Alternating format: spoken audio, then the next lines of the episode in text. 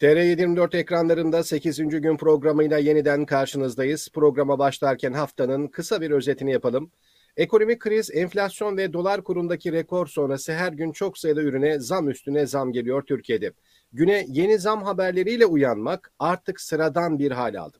Hemen her alanda olduğu gibi akaryakıt fiyatları da sürekli zamlanıyor. Neredeyse her gün akaryakıt ürünlerinde fiyat değişimleri yaşanıyor.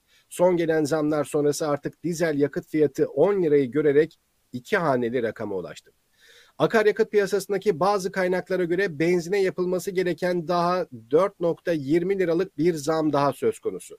Dolarda yaşanan rekor yükselişler de hesaba katılırsa bu zamların devam edeceği düşünülüyor. Dolayısıyla benzinin litresine 2 ay içerisinde yaklaşık 6 ila 7 lira arasında bir zam daha gelebileceği iddiaları var akaryakıta gelen zammın günlük hayata nasıl yansıyacağını söylemeye bile gerek yok sanırım. Bu arada gıda fiyatları da artık günlük değişiyor biliyorsunuz. Süt ve süt ürünlerine bir haftada iki kez zam geldi.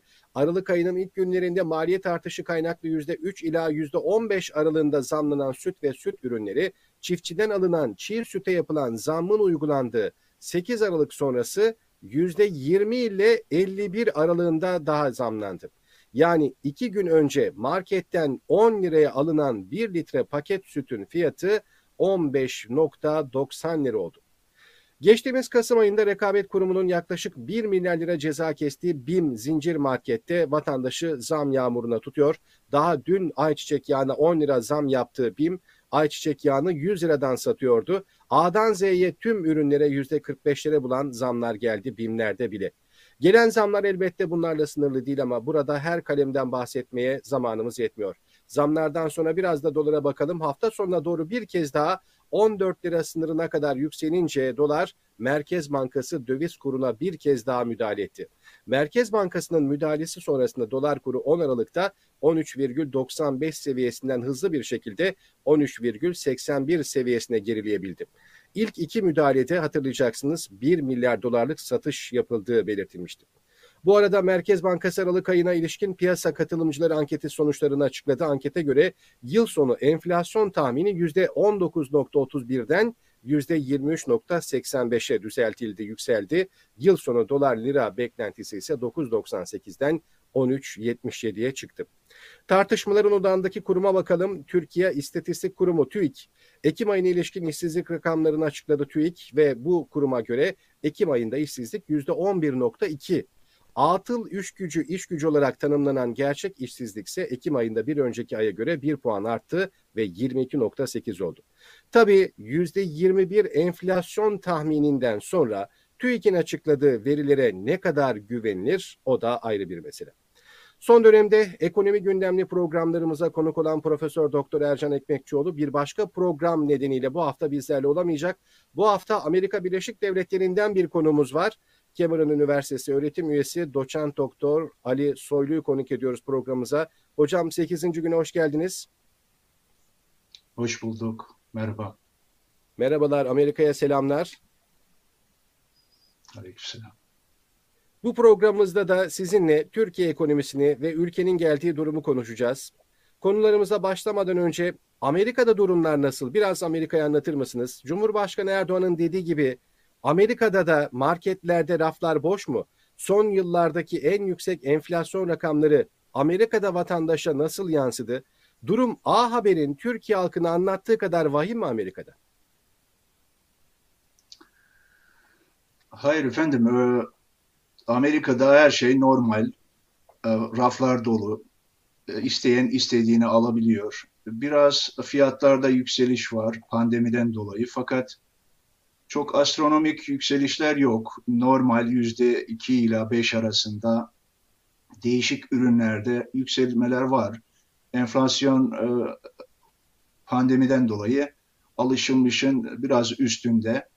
E, hayatı çok da etkilemiyor. İnsanlar e, rutin normal hayatlarına devam ediyor. Raflarda e, boşluk yok. E, herkes çalışıyor. En son geçen hafta e, gelen bir haberde e, Amerika'daki işsizlik oranları pandemi döneminin en düşük seviyesine ulaştı. Yani yeniden ekonomi canlanıyor. Buradaki İstihdam iş yerleri açılmaya başlıyor ve yeni iş alanları üretiliyor. İşsizlik oranı gittikçe düşüyor. Ekonomide tekrar eski hale dönüş e, son derece e, istikrarlı bir şekilde devam ediyor. Yani Türkiye'de anlatıldığı gibi Türkiye'nin televizyonlarında ya da zirvesinde e, kendi bulundukları ortamı normalleştirmek amacıyla Avrupa ve Amerika'daki e, olumsuzlukları gündeme getirmeleri çok anlamlı değil. Bilemiyorum neden bunu yapıyorlar fakat öyle bir şey yok. Avrupa'daki durumun da Amerika'dan farklı olmadığını sanıyorum. Amerika'da insanlar son derece normal bir hayat sürüyorlar. İstediklerine ulaşabiliyorlar ve normal hayata döndüler. Evet. Peki hocam e, A Haber'in bakışıyla sordum tabii ya da Cumhurbaşkanı Erdoğan'ın anlattığı gibi o sözlerle sordum Amerika'da raflar boş mu diye. Peki Amerika'dan baktığınızda Türkiye ekonomisi nasıl görünüyor? Özellikle şu son periyotta. Amerika'dan bakılınca ya da farklı bir yerden nereden bakarsanız bakın e, Türkiye'nin durumu pek iç açıcı değil. E, Türkiye ekonomisi her geçen gün e, daha da kötüye gitmekte. Bunun bazı birçok sebepleri var tabii ki.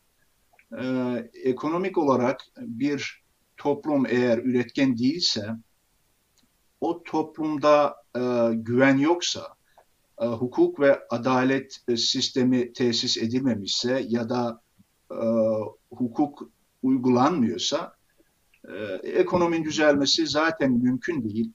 E, öncelikle ithalatı dayalı bir ekonomi olduğu için dolardaki yükseliş ülkedeki bütün endüstrileri, bütün alanları etkilemiş durumda. Bu nedenle öncelikle e, güvenilir bir ortamın sağlanması gerekir. Yani e, yurt dışı yatırımcılarının e, cazip görebilmesi için ülkedeki e, stability, duraganlığın ya da e, e, hukuki ve adil e, ölçülerin uygulanabilir olması, geleceğin görülebilmesi gerekir. Yani e, sabah kalkınca yasalar, kanunlar değişmişse, uygulamalar farklılaşmışsa, e, güven vermiyorsa o ülkedeki e, yatırımcılar da yurt dışına kaçmaya başlayacaktır. Yurt dışındakiler de ülkeye gelmeyecektir. Nitekim e, birçok bilinen e, alanlarda ülkedeki büyük yatırımcılar, yabancı yatırımcılar ülkeden çekilmeye başladı. Kendi e, iş adamlarımız, iş insanlarımız, kendi kaynak, yerli kaynaklarımız bile başka sığınabilecekleri güven duyacakları alanlara akmaya başladılar. Öyle bölgeler, ülkeler aramaya başladılar. Yani yurt dışından bakılınca e, Türkiye ekonomisi son derece e, olumsuz ve e, çetin bir şekilde e, e, mücadele, var olmaya çalışıyor. Fakat bunu yakın zamanda şu anda mevcut şartlar altında düzeltmesi mümkün görünmüyor. En önemli belirgin özelliği de doların değer kaybetmesi. Yani son bir yılda yüzde elliden fazla değer kaybetti diğer e, dövizlere karşı, diğer ülke paralarına karşı. Bu da ithalatı dayalı olan ekonomimizin çökmesine sebep oluyor. Ya bu gidişle e, çok ümitli değilim. Tam bir bir yıldan fazla yani 2020 Mart'ında e, bir video aracılığıyla yaptığım tespitte 2020 e, Aralık'ta doların 12 TL olacağını varsaymıştım. Fakat 10 ay gecikmeyle 12 e, TL'ye ulaştık ve onun üstüne çıktık. Şu anda 14 TL civarında. Onun e, yani 10 aylık bir gecikmenin tahminimin gecikmesinin sebebi de ülkedeki varlıkların satılması ve 128 milyar doların hazine şeyde Merkez Bankası'nda mevcut rezervlerimizin piyasaya sürülmesi ve farklı e, işte Katar ve Birleşik e, Arap Emirlikleri gibi dışarıdan e, gelen paralarla geçici pansumanla TL'nin dolar karşısında veya euro karşısındaki değerini bir nebze düşmesini yavaşlattı. Fakat bunlar geçici e, çözümler, kalıcı çözümler olmadığı için bunu kontrol etmek mümkün değil. Nitekim Merkez Bankası da, Maliye Bakanlığı da, diğer kurumlarda bir türlü doların yükselişine engel olamıyorlar. Bu da ülkenin ekonomisine olumsuz e, etkileri var tabii ki. Evet. Peki kalıcı bir çözüm olarak Çin modeline geçmeden önce isterseniz programın başında neredeyse her gün her ürüne gelen zamlardan bahsettik ama e, sadece şunlara şöyle kısaca bir göz atıp ondan sonra TÜİK ve enflasyonla ilgili bir sorum olacaksa Ayşe Aydoğdu diyor ki pazartesiden itibaren gazlı içeceklere %30, süt ürünlerine %40, pet çeşitlerine %40, kuru bakliyata %40, torku ürünlerine %80, kırtasiye ürünlerine %50, ete %20 oranında zam yapıldı. TÜİK yıllık enflasyonu %21.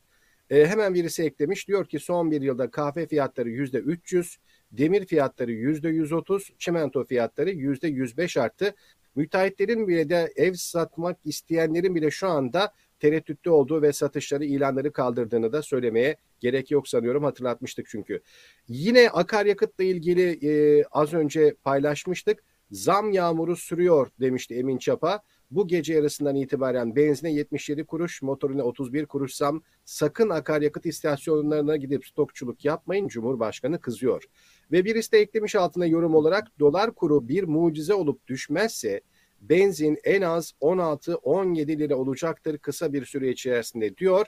Az önce programın başında zaten bununla ilgili tahminleri aktarmıştık. Kısa zaman içerisinde birkaç ay içerisinde şu anki mevcut fiyata 6-7 lira daha zam gelebileceği yorumları var. Evet motorun 10 lirayı geçti benzinden pahalı hale geldi ve yoğurt fiyatlarına bakalım. Sadece 18 gün içinde yoğurt fiyatı tam iki katına çıkmış. Cumhuriyet tarihinde yaşanan en büyük zam dalgası bu aynı marka ürünün bakın işte 18-20 gün içerisinde yaşadığı fiyat değişimi 36.90'dan 65 liraya çıkıyor. Ömer Faruk Gergerlioğlu diyordu ki gübreye %265 zam, un fiyatları %150 artmış. Dün bit listeydim iş yerini kapatan bir sürü fırıncı var. Kimi insanlar iş yerlerini kapatıyor. En önemli temel gıdamız ekmek, fırıncı vatandaş mutsuz. Evet Steve Hank'in e, bir tweet'i vardı. İstanbul'da 11 yaşında bir kız çocuğunun karton toplayan, kağıt toplayan bir kız çocuğunun e, yapılan röportajına dayanarak şunları söylüyordu. Ailesine yardım ediyor. Bu yaşta tabii ki okulda olması gereken bir kız çocuğu.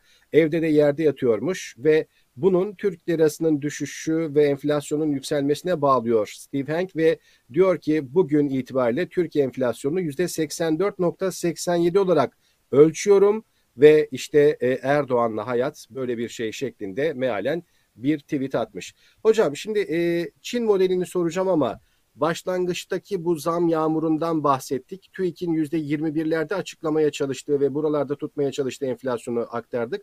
Bir de yabancı gözüyle enflasyonu ölçen bir uzmanın görüşünü paylaştık. Ee, az önce rakamlarındaki değişimleri de %150'lerden %200'lerden bahsedince e, TÜİK ile ilgili olarak açıklanan istatistik kurumunun açıkladığı rakamlar ve gerçek hayat arasındaki bu farkı e, baz alarak şunu sormak istiyorum. Amerika'da sokaktaki, marketteki gerçek rakamla e, açıklanan rakam arasında fark oluyor mu? Orada nasıl bir sistem var? Türkiye'deki bu farklılığı e, gizlemek ne kadar mümkün? Yani istatistik kurumu ne kadar açıklarsa açıklasın halkın hissettiği bir enflasyon var sonuçta. Evet, maalesef um, Türkiye'yi ben bir züccaciye dükkanına benzetiyorum.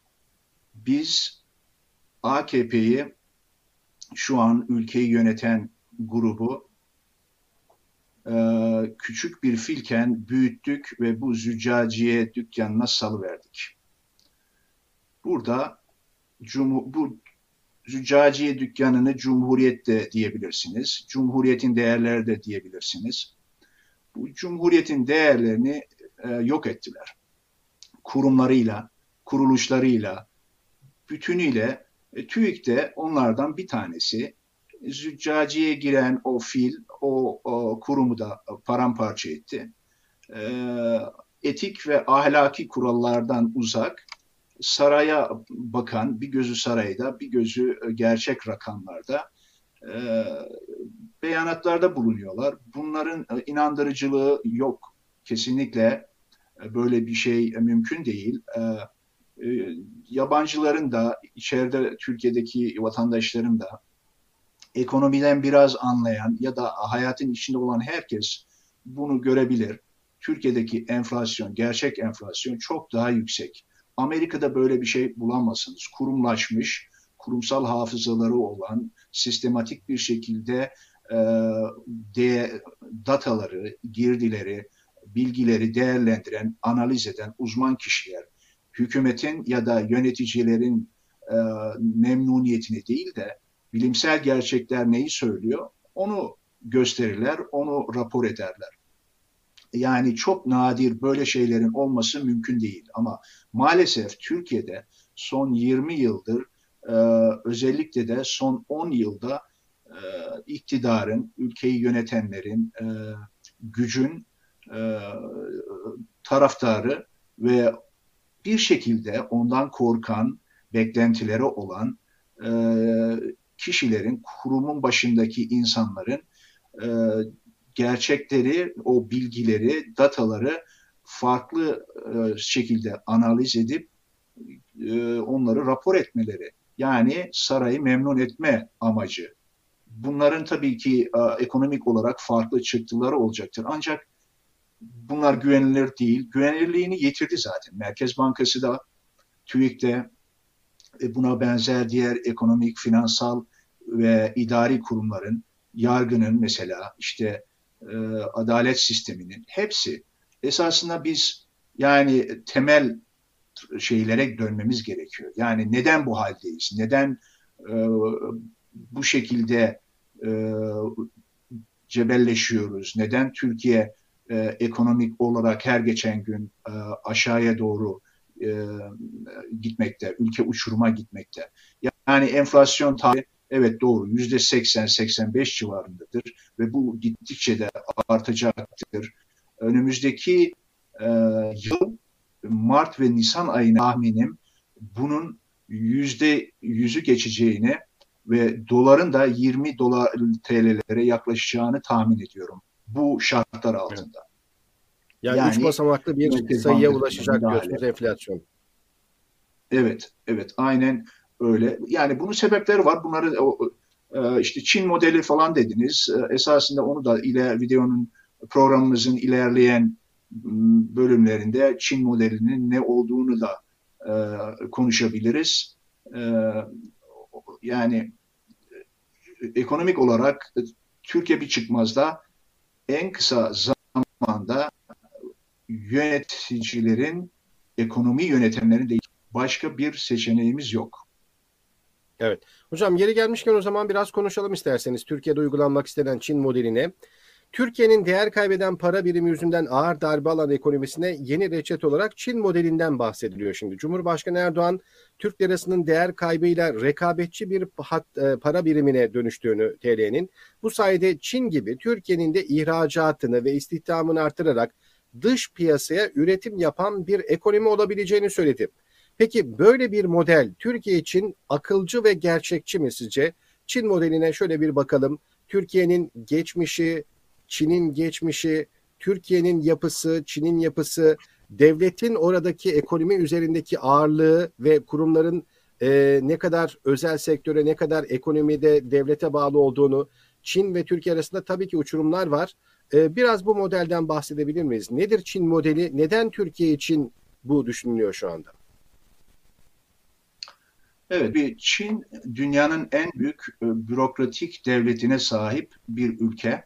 Yani o mekanizma, organizasyon, hantal bir organizasyonken e, Deng Xiaoping e, 1979'dan sonra e, yönetime geliyor ve bu o süreci başlatmış oluyor.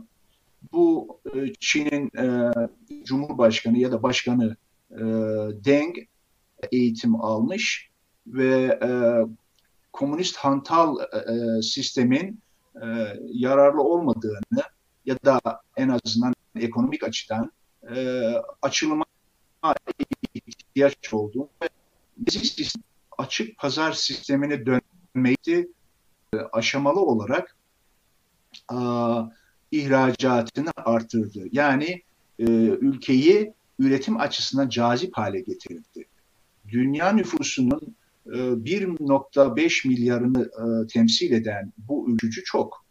Yani iş gücü çok olduğu için Avrupa ve Amerika gibi ülkelerde üretim yapan firmaların ülkeye gelip üretim yapmasını teşvik eden altyapıyı hazırlamış oldu. Infrastructure dediğimiz bu altyapıda işte havaalanları, otobanlar, yollar, e, enerji, su ve vergi vergilendirme sistemi ve iş yasaları, işte e, iş kanunları bunları e, cazip hale getirerek ülkede üretimin yapılmasını teşvik etti. Şimdi madem evet bu bu Çin gibi nüfusu yoğun olan, iş gücü çok olan, iş gücü ucuz olan ülkelerde bu mümkündür. Bu belki iyi bir seçenek olabilir.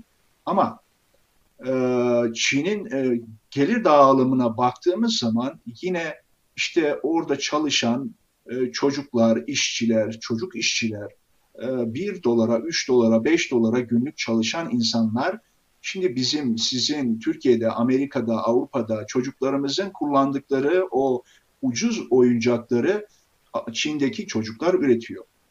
İnsan haklarına, e, çocuk haklarına riayet etmeden onları zorla ağır şartlar altında çalıştıran bir sistemde e, tabii ki üretim artabilir fakat onun sosyal patlamalara sebep olabileceğini önümüzdeki dönemlerde belki görebileceğiz.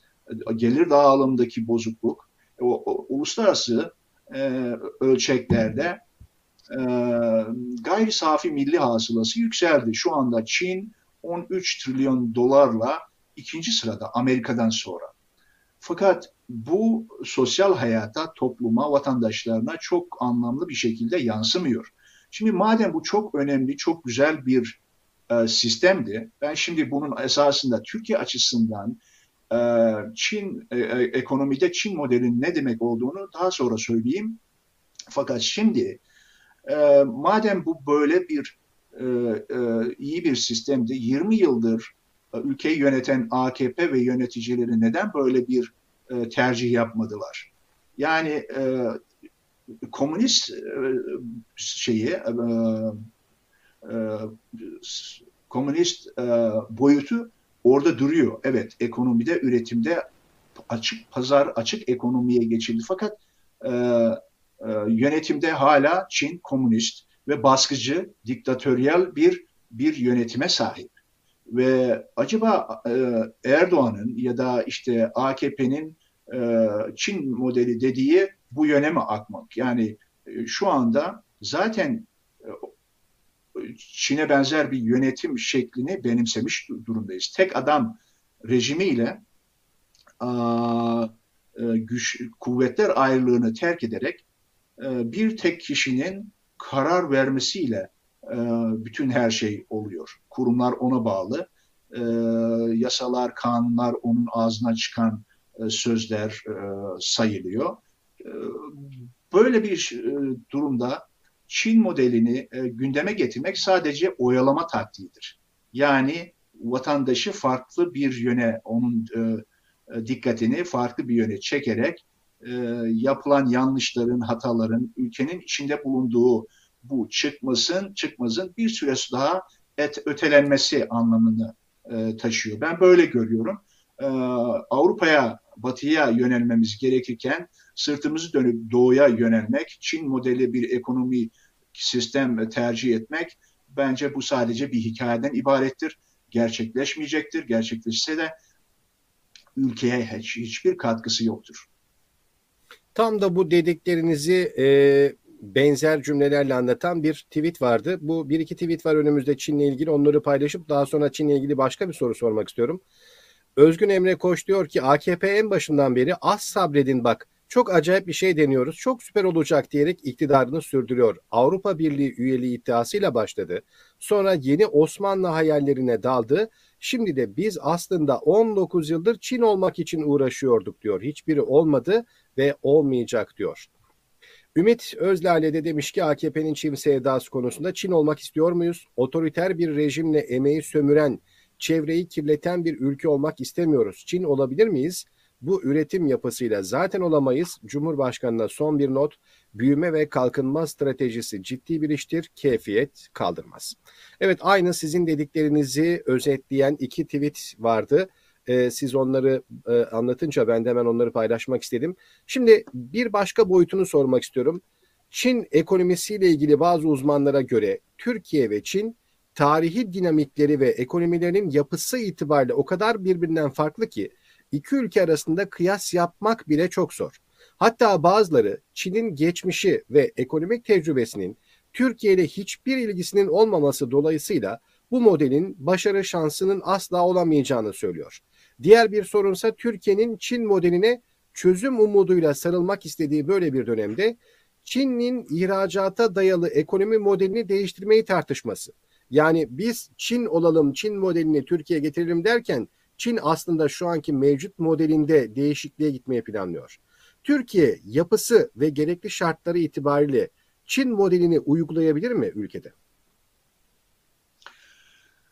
Hayır efendim orada bir e, e, yanlış eğer samimilerse gerçekten yanlış bir yoldalar. Yani ülkeyi, ekonomiyi, Türkiye'nin ekonomisini e, yönetenler eğer bu konuda e, pek e, öngörmüyorum samimi olduklarında şüphelerim var. Fakat eğer varsayalım ki samimiler yanlış yoldalar. Çünkü dediğiniz gibi e, Çin de e, e, farklı sistemlere evrilecektir. Daha çok yani üretime dayalı ekonomiden inovasyona gitmek, yenilikçi, yeni teknolojiyi üretmek ve dünyadaki teknolojik gelişmeleri yakalayabilmek önemlidir. Bunu da yapabilmek için bağımsız, özgür, düşünen, liberal bir ekonomik ortamın mevcut olması gerekir.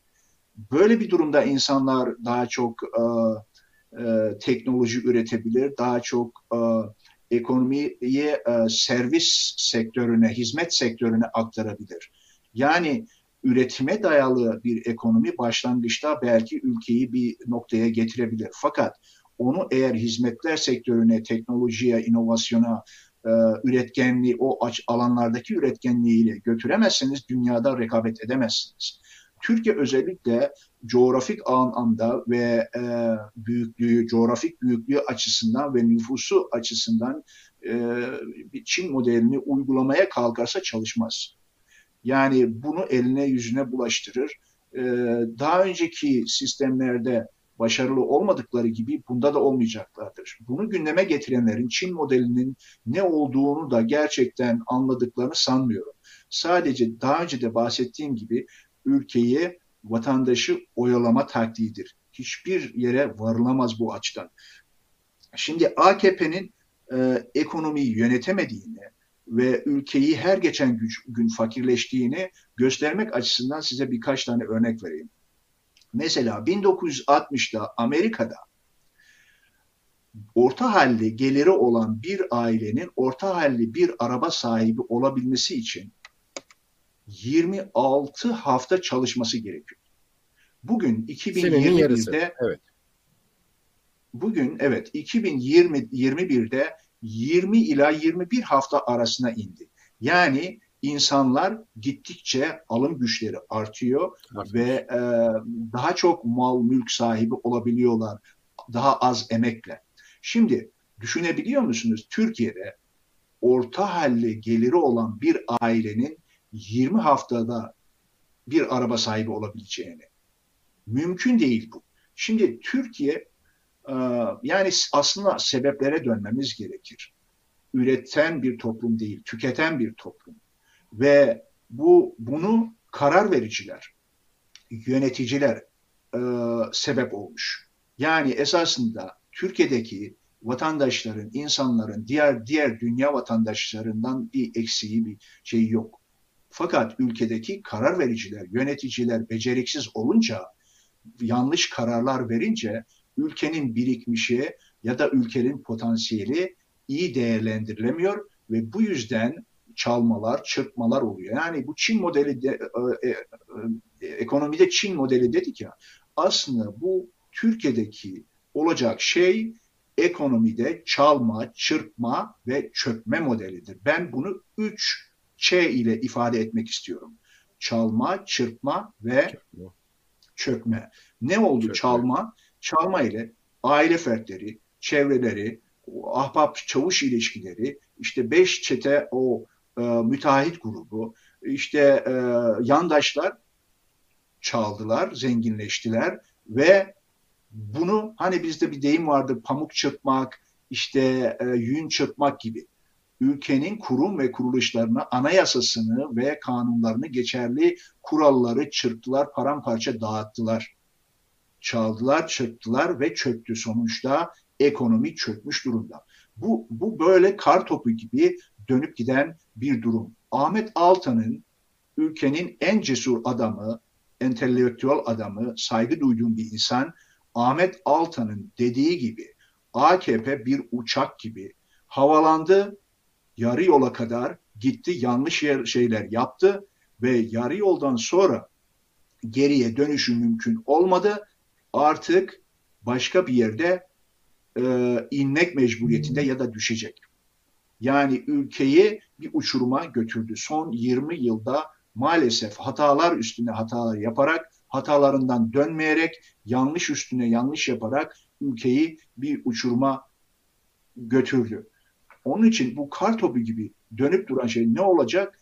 Önemli, ciddi bir güneşin doğup bu kar topunu eritmesi lazım. Yani e, sistemin düzeltilmesi zaman alacak ama başka çaresi yok.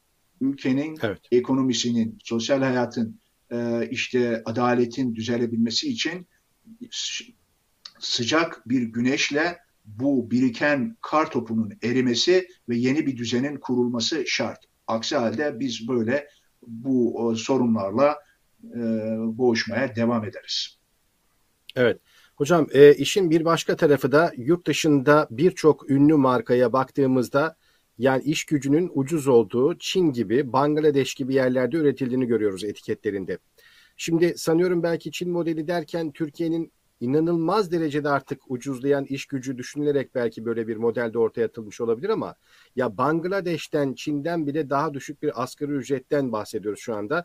320'lerdeydi Çin'in asgari ücreti e, belki 320 dolar civarında. Türkiye'de 14'e dayanınca dolar e, 2800 lira civarında olduğunu düşünürsek neredeyse 200'lü bir rakamlara geldi. Türkiye şu anda birçok ülkeden daha cazip. Tabii e, bunu istihdam anlamında yansıtabilir mi? Altyapı lazım. Bununla ilgili az önce birçok örnekler verdiniz. E, hemen bunu kolayca e, Çin gibi bu modeli e, belki çevirebilmek mümkün değil. E, biraz isterseniz birkaç cümle ondan bahsedelim. Son olarak da çünkü e, Birleşik Arap Emirlikleri ya da Katar gibi ülkelerden gelen paralarla ilgili bir sorum olacak. Evet, o, o asgari ücret konusu gerçekten e, yani sonuçta bütün e, maaşlar, bütün e, kazançlar eriyor. Yani Türkiye'de çalışanların, işçilerin, memurların, esnafın gelirleri e, gittikçe eriyor. E, geçen sene, geçen sene e, işte 1200-1300 dolar ortalama bir ma maaşa denk gelen TL ile maaş alan bir insanın bugün 400 TL alması gibi. E, asgari ücret e, Ocak e, 2021'in de e, yanılmıyorsam 400 e, dolar civarıydı. E, pardon, iki, e, evet 400 dolar civarıydı. Şimdi bu e, dediğiniz gibi e, 200 küsürlere indi. E, evet. Yani yarıdan yarıya fakirleştik. E, bunun e, işte biraz önce de bahsettiğim gibi yanlış politikaların sonucu bu. Yani esasında biz şu anda sonuçları konuşuyoruz. Sebepler nedir sebepler? İşte e, kendisini e, ekonomist sanan bir birisinin faizlerin e, düşürülmesinin e, enflasyonu da düşürmesini e, varsayması ya da öyle görmesi. E, böyle bir şey yok. Yani ekonomik e, ekonomi teorilerine ve e, pratiğine aykırı bir e, karar. E, faizin düşürülmesini dini gerekçelere bağlayarak e, ekonomiyi düzeltemezsiniz. Eğer gerçekten ekonomi e, faizin e, haram olduğu ya da inançlara aykırı olduğunu düşünüyorsanız 245 milyon milyar son 10 yılda 245 milyar dolar faiz ödemezdiniz.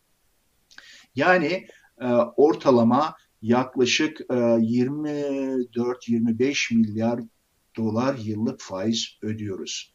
Bunu günlere böldüğünüz zaman günde 60 milyon dolar faiz ödüyoruz.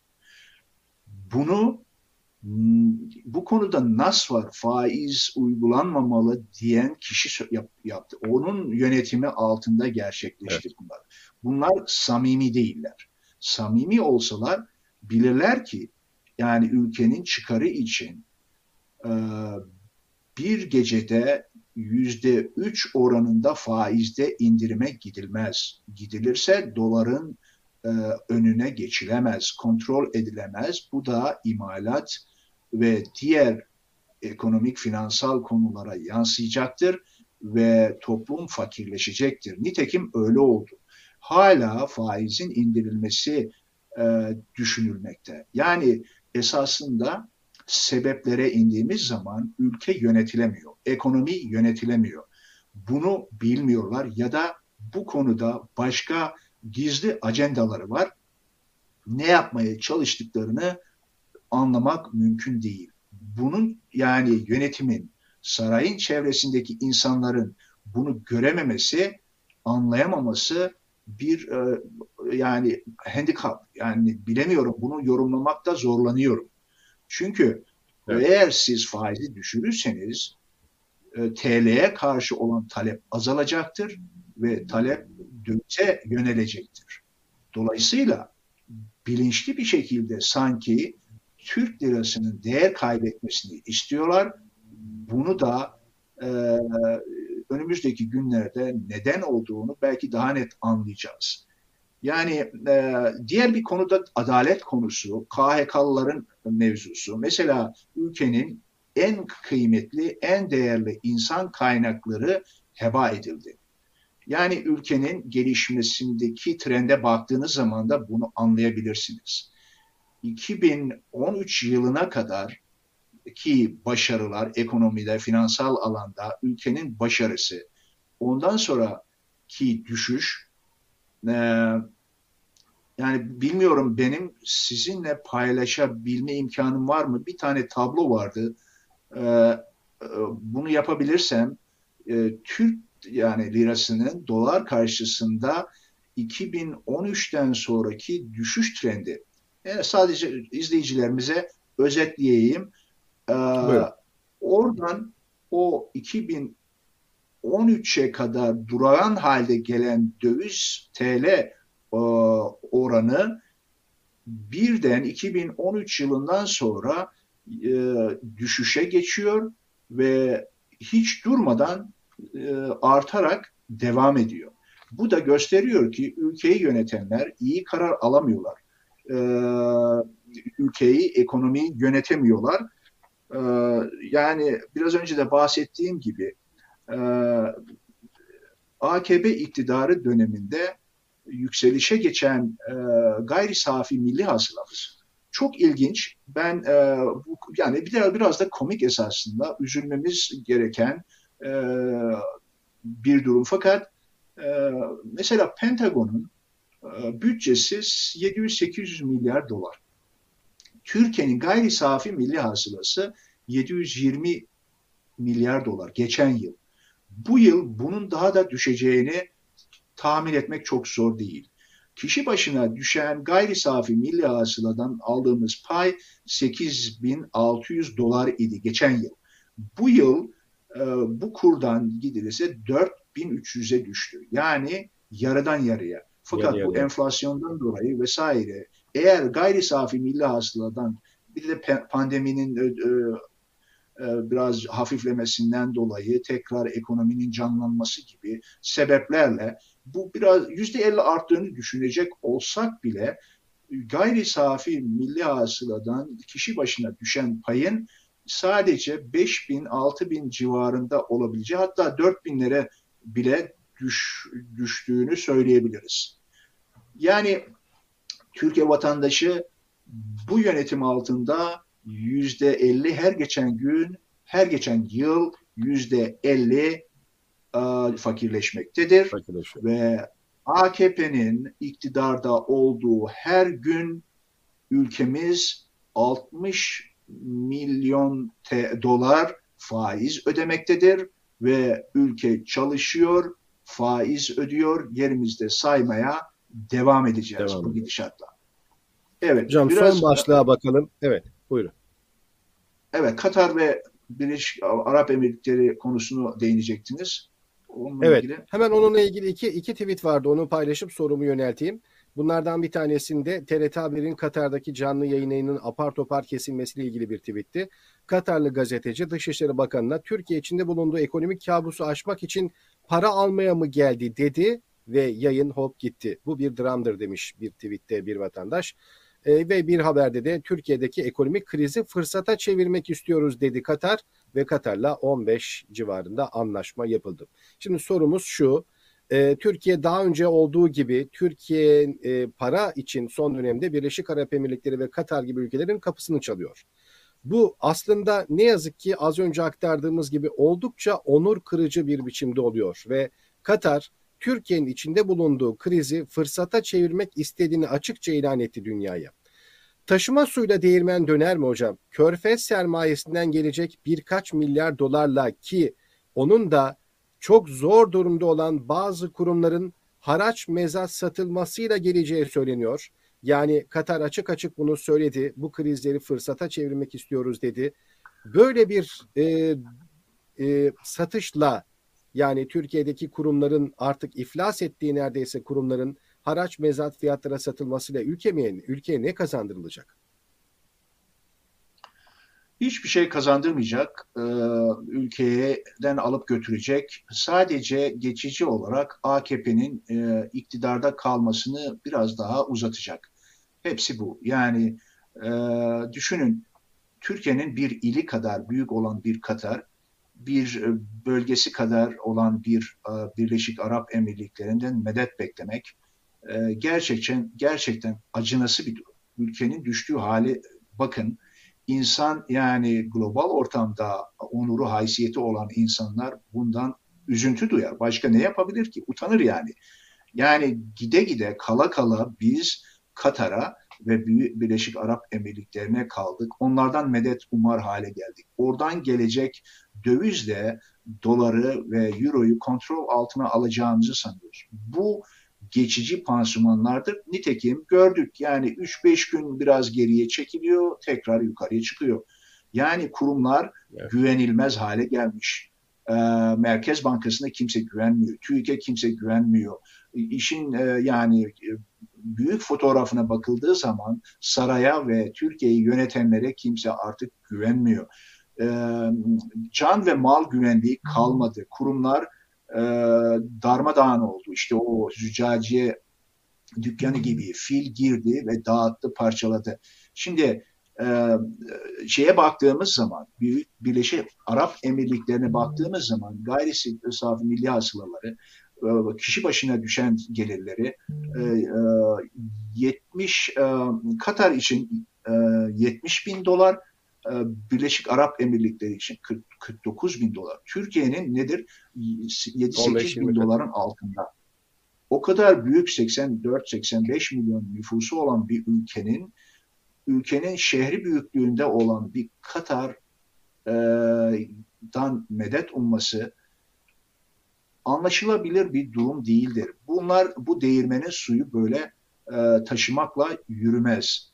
E, esasa dönecek olursak yine benim yani tek çözümümüz bu o, insan kaynağını heba ettiğimiz insan kaynağını e, tekrar ülkeye kazandırmak. KHK'larla işinden olan insanları e, ülkenin e, çarkının içine koymak. Haksız yere ellerinden aldığımız, adaletsiz, hukuksuz e, yani bir soykırıma uğrattığımız bu insanlardan özür dileyip haklarını vererek bunları tekrar ülkeye kazandırmak. Bir insanın yetişmesi işte ilkokuldan üniversiteyi bitirmesine kadar e, geçen zaman harcanan paralara yazık. Bu ülkeye ihanettir. Ülkenin e, 150-200 bin tane en üst düzey kaliteli yetişmiş insanını sadece siyasi e, e, e, siyasi e, şeylerle, motivasyonla bunları işlerinden etmemiz akıl kârı değil. Yani insan, ülkesini seven, insanını seven bir yönetim, bir grup bunu asla yapamaz. Bu ülkeye ihanettir. Bunlardan derhal özür dilenip e, hakları iade edilmeli. Çünkü yani bunların tamam bir kısmı belki büyük bir çoğunluğu cemaat e, mensubu insanlardır. Fakat Alevisi, Kürdü, e, diğer e, muhalif grupların hepsinden insanlar var. Hiç fark etmez kim olursa olsun ülkede adaletin, hukukun sağlanması e, şeydir. En esastır. Yani ülkede adil bir düzen yoksa, hukuk işlemiyorsa ekonominin düzelmesi mümkün değildir. Doların, dövizin engellenmesi mümkün değildir. Onun için bir an önce aklımızı başımıza alıp ya iktidarı düzelteceğiz ya bu iktidarın yerine düzgün bir e, yönetimi getirerek demokratik insan haklarına uygun bir şekilde şiddete başvurmadan bir e, geçiş dönemini sağlamamız gerekir. Aksi halde fakirleşmeye devam edeceğiz. Evet, kendilerinin deyimiyle ağaç kabuğu yeme dönemine geçeceğiz. Başka yolu yok bunun. Evet. Sadece bir grup için söylenmişti o ağaç kabuğu yesinler meselesi. Eğer böyle giderse bütün toplumu bekleyen bir son olacak gibi. Hocam çok teşekkür ediyoruz. Ee, değerli vaktinizi bizlerle paylaştınız. Biz çok memnun olduk. Bir başka programda tekrar görmek isteriz sizleri. İyi çalışmalar diyoruz. Çok sağ olun. Ben de teşekkür ederim bu fırsatı bana verdiğiniz için. Ee, Hoşçakalın. Teşekkürler. Çok teşekkürler. Evet, TR724 ekranlarında 8. günü burada noktalayalım. Ee, bu hafta konumuz Cameron Üniversitesi öğretim üyesi doçent doktor Ali Soylu'ydu. Haftaya yeniden 8. günde birlikte olabilmek dileğiyle. Hoşçakalın.